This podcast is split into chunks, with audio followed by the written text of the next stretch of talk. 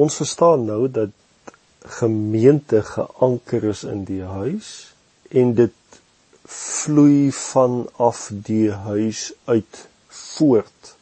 Gemeente is 'n leefstyl in die huis wat dan 'n leefstyl in die gemeenskap moet word.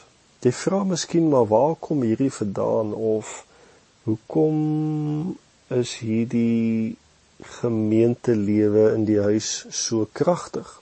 Want dit gaan oor om familie te wees en familieverhoudinge wat ons aan mekaar bind. Nie die feit dat ons deel van 'n organisasie is waar ons as 'n lidmaat aanmeld of registreer nie. Nee, hoor gou mooi. Jy weet hoe sterk is familieverhoudinge. Dit is wat gemeente veronderstel is om te wees. Want die gees, nie bloed nie, is dikker as water. Koninkryksverhoudinge in die familie is die sterkste ding op aarde en die grootste sleutel vir die lewe.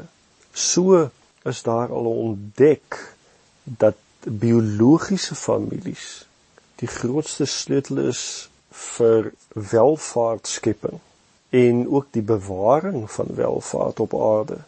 Dit gaan nie net oor die bestaan van familie as 'n geskepte entiteit wat die sleutel is nie, maar die manier hoe familie opereer en in verhouding teenoor mekaar staan. Dit alles is die sleutel van iets kragtig wat geen vors op aarde kan stuit nie.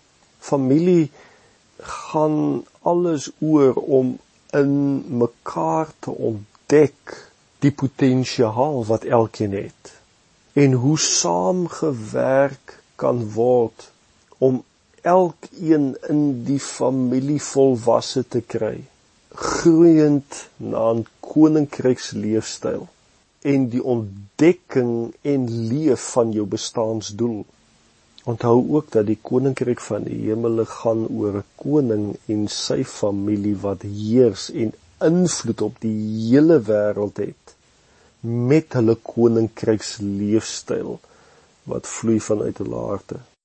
Koninkryk gaan nie oor 'n plek nie, maar oor 'n invloed wat heers, wat uitvloei van elke familielid van God waar hulle hulself ook al bevind. Koninkryk is kragtig want dit is inklusief in benadering en as familie manifesteer dit koninkryks eenheid